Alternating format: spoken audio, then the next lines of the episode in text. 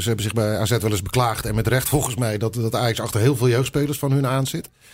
Uh, met name in de middenbouw, hè, die, die, die leeftijd nou, die we vroeger de CB-junioren noemden. Ja. Uh, en uh, steeds meer spelers bedanken dan Ajax. En zeggen, nou ik blijf hier, want ik zie het hier zitten. En het niveau van de opleiding is hier, is hier zeker ook heel hoog. En dat merken ze ook in onderlinge wedstrijden. Dat, dat, dat krachtsverschil dat is helemaal niet zo groot dan. En ja, voor Boadu betekende dat zelfs dat hij, die is nou ja, eerder in zijn, geloof ik toen hij een jaar of twaalf was, mocht hij op proef komen. En werd hij, werd hij afgetest eigenlijk na drie trainingen. Van nou, niet goed genoeg en succes verder.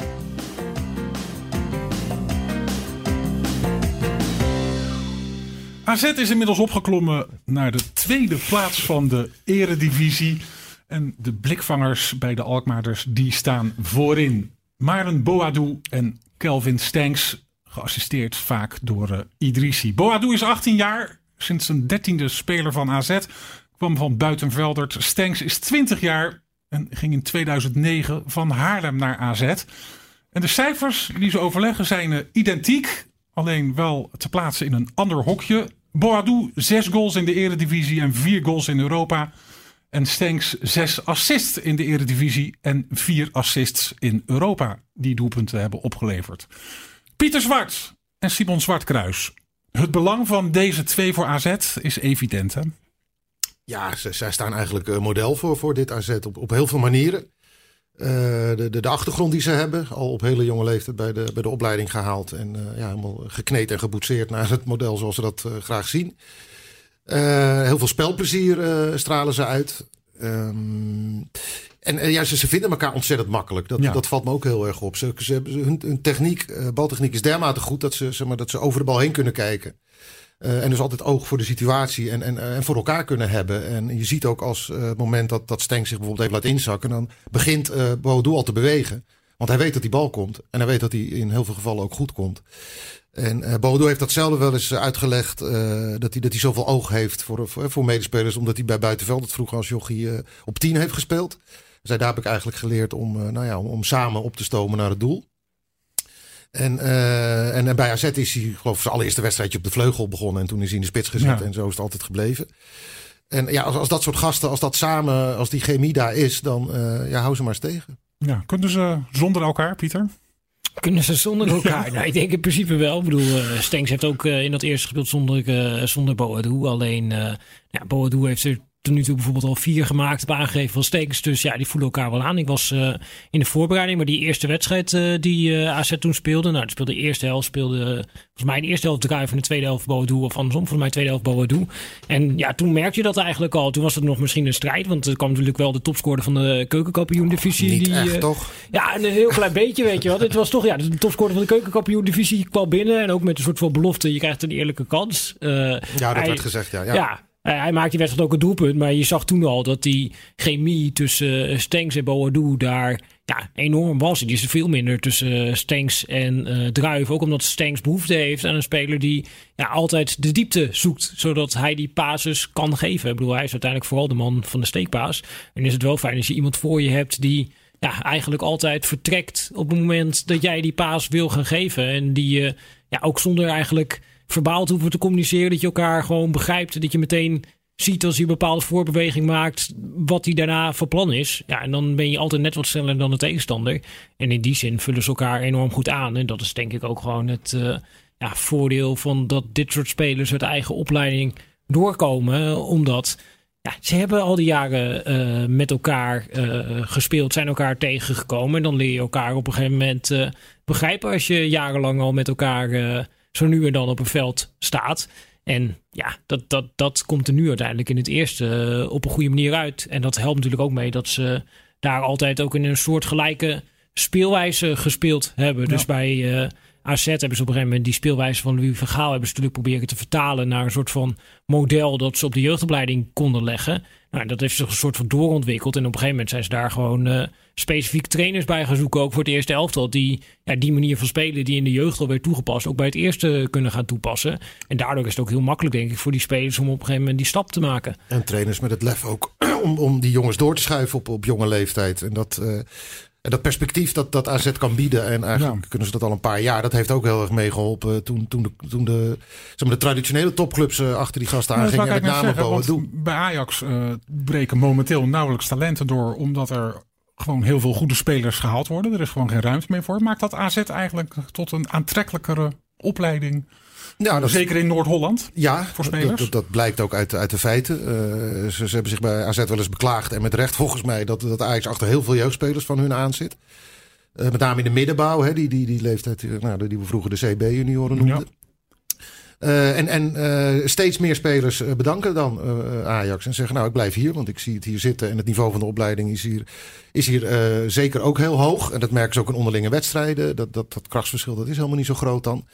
En ja, voor Boadu betekende dat zelfs dat hij, die is nou ja, eerder in zijn, geloof dat toen hij een jaar of twaalf was, mocht hij op proef komen. En werd, hij, werd hij afgetest eigenlijk na drie trainingen. Van nou, niet goed genoeg en succes verder. En toen hij 15 was, is hij door Ajax echt benaderd. Ja. Heeft hij ook een gesprek gehad met, met Dennis Bergkamp, met Saïd Ouali, de hoofdjeugdopleiding. En eh, ja, ik denk dat 9 van de 10 jongens dat hadden gedaan, maar eh, hij, eh, nee. Nee, AZ heeft een beter verhaal, zei hij toen. En Ja. PSV heeft het geprobeerd, Arsenal heeft het geprobeerd. En bij allemaal, ze kregen allemaal hetzelfde te horen. En ja, daar, krijgt hij nou, de, de, de- daar plukt hij natuurlijk de, vlucht, de vruchten nu ook van. En AZ ook. Ja. Heeft misschien ook wel te maken met een aantal van die spelers die wel die AZ-opleiding verruild hebben. Op een gegeven moment voor die Ajax-opleiding kan me bijvoorbeeld SK Walian herinneren. Wat Ja. zo'n spits was die eh, heel veel scoorde in de AZ-opleiding. Ja. Op een gegeven moment in die lichting zat met Nouri van der Beek. Ja, en die, die zit nu denk ik bij Almere City of zo. Of, eh, of speelt in Indonesië, ergens daar. Ja, er in ieder zijn geval... veel voorbeelden van dat soort eh, Ja, er zijn heel veel van dat soort gasten die, die wel gegaan zijn, dat die het uiteindelijk eh, niet gered hebben. En dat, dat speelt waarschijnlijk op een gegeven moment ook mee. Want dat zullen ze bij AZ zullen ook slim genoeg zijn om dat soort voorbeelden misschien nog een beetje te gebruiken. En nou ja, AZ heeft natuurlijk ook gewoon een duidelijk plan voor al die jeugdspelers. Een soort van traject wat ze uitstippelen. En bijvoorbeeld Stanks, nou, dat was een laadbloeier. Dus die lag fysiek. Hij had zijn groeispurt veel later dan nou andere spelers. Dus hij werd ook nooit echt beschouwd als echt het grote talent. Tot hij op een gegeven moment die groeispurt gehad had. En toen in één keer bleek, hey, nu is die jongen een stuk groter geworden. En nu kan hij fysiek mee met de rest. En nu komt zijn techniek en spelinzicht, dat komt echt eh, aan de oppervlakte. En toen zei iedereen, dat is een natuurtalent. Maar Dat heeft de hoofdopleiding bij Paul Brandenburg ook wel eens uitgelegd. Dat het, dat het ook echt wel een omslag in denken is geweest in die opleiding. Eh, beter kijken naar de potentie van spelers. En niet naar wat ze op dat moment eh, te, te bieden hebben. Of dat ze misschien nog ondersneeuwen ten, ten opzichte van leeftijdgenootjes. Ja. Vanwege die fysieke achterstand. En eh, ja, daar proberen ze doorheen te kijken. Nou, me dunkt dat dat met Stenks aardig is, is uitgepakt. Wil je meer verdieping bij het voetbal? Ga dan naar vi.nl slash podcast en neem een abonnement. www.vi.nl slash podcast Ze hebben allebei eh blessureleed gehad. Hè. Stenks natuurlijk zijn Ja. eh, kruisband. Uh, Boadu twee eh, blessures. Knie en later enkel. Enkel, ja. Daar zijn ze wel goed uitgekomen. Hè? Zeker Stenks. Je ziet geen angst meer. Wat je nog wel eens ziet als Nee. spelers die een dergelijke blessure gehad hebben. Nee, nee. Ik weet nog dat Stenks vertelde dat toen hij, eh, toen, toen hij weer eh, vorig seizoen echt met de groep kon meetrainen en zo. Vond hij het zelfs een beetje vervelend toen hij merkte dat hij, dat hij een beetje gespaard werd door zijn medespelers. Want die waren, ja, die waren voorzichtig met hem. Van ja, eh, het is niet de bedoeling dat we een van onze parels nu weer in gruzelementen schoppen. En eh, ja, dat, dat, vond, eh, dat vond hij eigenlijk wel jammer, want daar voelde zich nog niet echt een volwaardig eh, selectielid. En nou, na een week veranderde dat ook weer. Hij, je ziet altijd eventjes wat, wat, behoudendheid misschien in de duels in, in, in echte wedstrijden dan. Dat zag je bij hem ook. Het duurde allemaal even. En iedereen wist, en hij zelf ook, dat dit eigenlijk een beetje warm draaien was. eind vorig seizoen voor, nou ja, voor dit seizoen. Dan, Ja. Daarna een voorbereiding volle bak meedraaien. En eh, ja, dat sprak je zelf ook uit. Die, die wisselvalligheid. Die, toen kon ik nog verwijzen naar die blessure en zo. Maar straks in de zomer moet dat hele verhaal van tafel, zei hij zelf ook. En dan wil ik me daar helemaal niet meer eh, achter kunnen verschuilen. Nou ja, dat, dat maakt hij wel waar. En bij, Bo, bij Boadu, eh, dat, dat is echt zo'n jongen bij, bij wie ze echt een paar keer aan de handrem hebben moeten trekken ook. Die, die stond echt als een, eh, als een hongerige leeuw. Hè. Die, zo, eh, die kennen we allemaal wel uit de dierentuin. Die zo heen en weer ijsbeert achter, de, achter die spijlen. Dat was hij in de kleedkamer. Hij wilde dat veld steeds op. Alleen ja, in zijn hoofd was hij verder dan, eh, dan in, zijn, in zijn lijf. Dus ja, die, moesten ze echt wel, die hebben ze echt wel voorzichtig moeten brengen. Maar tekent de hongerigheid van deze gasten. En ja, nu zijn ze los. En het is misschien ook wel een beetje een geluk bij een ongeluk eh, geweest. Ik weet nog dat eh Stenks toen echt doorbrak, eigenlijk in die play-offs. En toen, dat seizoen daarna, toen speelde hij in de voorbereiding echt waanzinnig. En toen waren ze bij AZ al oprecht bang van ja, als je zo doorgaat, dan raken we deze transferperiode nog kwijt. Toen raakte hij in de eerste wedstrijd geblesseerd. Dat is natuurlijk Ja, heel zuur eh, ja, voor hem. Maar ja, heeft misschien er wel toe geleid dat hij nou ja, nu wat rustiger die opbouw heeft kunnen hebben. En dat eh AZ hem misschien wat makkelijker eh, vast heeft kunnen houden. En wat bij hem misschien ook nog wel onderbelicht is, is dat hij eh, ja, enorm veel arbeid verzet zonder bal.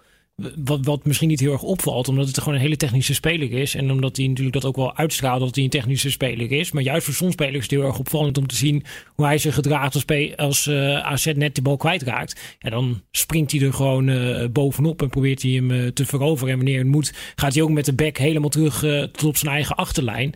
En dat is uiteindelijk natuurlijk wat jij, als jij die stap hogerop wil gaan maken, wel moet kunnen. En wat bij bijvoorbeeld eh pakken beet eh, Steven Berghuis, ja, die heeft het nooit echt op die manier gedaan. En dan ga je naar Engeland en dan ja, zit zo'n trainer daar natuurlijk wel van. De, ik, ik verwacht dat Ja. voor jou helemaal als je daar in de middenboot eh, gaat spelen. En dat is iets wat hij nu al wel brengt en wat het voor hem wel makkelijker moet gaan maken om uiteindelijk eh, die stap te maken. En wat denk ik ook wel voor en pleit bij Ronald Koeman. Eh, want ja, die, die zal er natuurlijk ook naar gaan kijken. Als je ziet wat voor arbeid eh, Bergwijn en eh Promes op die posities bij Oranje verzetten. Ja, dat is vrij veel. En Stenks laat wel zien dat hij dat ook kan bij AZ. En dat dat zal meewegen voordat hij eh, op een gegeven moment eh, erbij mag komen. Het viel me ook op toen ik eh, donderdag eh, het, het Cars Jeans, Cars Jeans stadion Ja, binnenkwam. lastig na blijft het, hè? Ja, dan, als je binnenkomt, dan, eh, dan kom je langs de gym. Ja. Eh, en dat was, weet ik het, een uur voor de wedstrijd of zo. En het, het eerste wat ik zag was Stenks die daar in die gym nog oefeningen zat te doen. Een uur voor de wedstrijd. Ja, ter, ter Ja. voorbereiding op die wedstrijd. Pre-activatie zullen ze het in jargon noemen. Goed woord. goed krabbelwoord ook vooral. Maar het weet je, was één klein momentje. Maar Ja. ja dat, dat valt me dan op. Dat, eh, die jongen is daar echt, echt wel heel bewust mee bezig.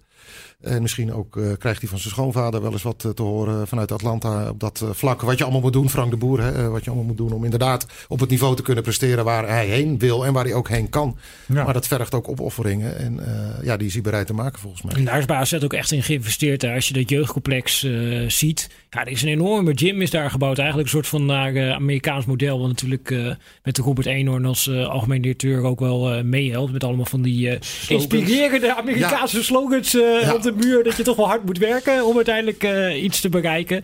Maar ja, dat, daar is wel, alles is daar voorhanden om die spelers fysiek ook optimaal eh, te prepareren. En het is ook niet meer zo dat je hier, wat je vroeger nog wel eens zag, weet je wel, de generatie Rafael van de Vaart, Wesley Sneijder, toen die doorbraken naar het eerste elftal. Ja, van die spillebeentjes waarvan je dacht, Ja. eh, god, er moet nog wel wat aan gebeuren. Dat, dat zie je eigenlijk niet bij AZ. Dat zijn wel echt atleten die er allemaal doorkomen uit eigen opleiding.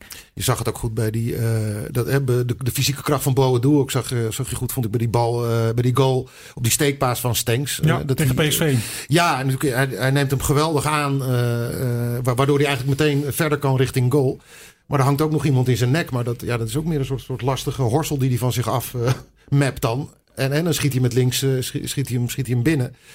Ik bedoel, hij, kan zich ook sch- schrap zetten in dat soort duels. Ja. En voor een jongen van 18 eh, ja, staat hij de fysiek al heel goed op ook. Oké. Ten slotte speelt Oranje nog twee interlands dit kalenderjaar tegen Estland en tegen Noord-Ierland. Mogen zij, en ik denk Stenks iets, meer dan Boadu, daarvan dromen? Dat ze Ja, het hangt denk ik ook een beetje af hè, van verschillende dingen. Dus je hebt Jong Oranje, dat heeft natuurlijk ook eh, belangen. En die bondscoach van Jong Oranje, die speelt nu met half AZ, is de eerste Ja. elftal. Ja, die, die zal wel denken van ik wil die jongens eh, er wel bij houden. En misschien wil Ronald Koeman wat dat betreft wel met hem meedenken. Omdat Nou, dat dit... gaf hij op de, rond de laatste Interlands heeft Koeman dat ook aangegeven. Ja. Inderdaad, dit het belang onderkent van, het, van een eindtoernooi van, van, voor Ja. Jong Oranje ook. En daar zei hij meteen achteraan dat er eh, richting het EK nog eh, genoeg tijd is om, eh, om, om dingen te veranderen in zijn selectie. Daaruit zou je kunnen concluderen dat hij er nog even mee wacht. En eerst, nou, eerst kwalificeren en dan, en dan is er in maart bijvoorbeeld weer een selectie of een, een, een interlandperiode waarin ze kunnen gaan oefenen. Maar ja, als je kijkt hoe Stenks op dit moment bezig is, dan, dan zou ik eigenlijk weinig reden kunnen bedenken om hem er niet nu al bij te halen. En we moeten natuurlijk een beetje kijken hoe die blessure van Donjel Malen zich ontwikkelt. Ja. Want dat was donderdag was hij in één keer weg. Volgens kan die, was hij nog een soort van twijfelgeval. En toen kon hij ook weer niet meedoen. En het is niet helemaal duidelijk. PSV verschuilt zich geloof ik ook een beetje achter de AVG van Ja. wat hij nou precies heeft. En ja, hoe lang dat eh, gaat Privacy, duren. hè? Dan Ja, mogen ze niet zeggen wat eh, de aard van de blessure Ja. is. Staatsgeheim, ja. Ja, ja dus eh, nou, dat, dat is niet helemaal duidelijk. Eh, maar stel dat hij er niet bij is. Ja, en je gaat denken aan een soortgelijk type dat je ook op de vleugel kan inzetten. Ja, dan zal hij misschien daarvoor eerder in aanmerking komen. Dan pakken beet Wout Weghorst, wat misschien meer een stand-in is voor eh Luc de Jong. Dus dan kan het in één keer heel snel gaan. En eh, op de vleugel is dat natuurlijk hetzelfde. Als eh, Ja. Steven Bergwijn echt niet fit blijkt. Of uh, Quintje Promes blijkt er echt niet fit. Of met Steven Berghuis eh, gebeurt. Die valt natuurlijk ook geblesseerd uit in de klassieker. En er vallen één, twee men- eh, spelers daar weg. Ja, dan kunnen ze er in één keer toch bij komen. Maar ik denk dat als eh, iedereen fit is, dat ze dan nog gewoon bij Jong Oranje zitten. Pieter en Simon, dank jullie voor jullie inzichten.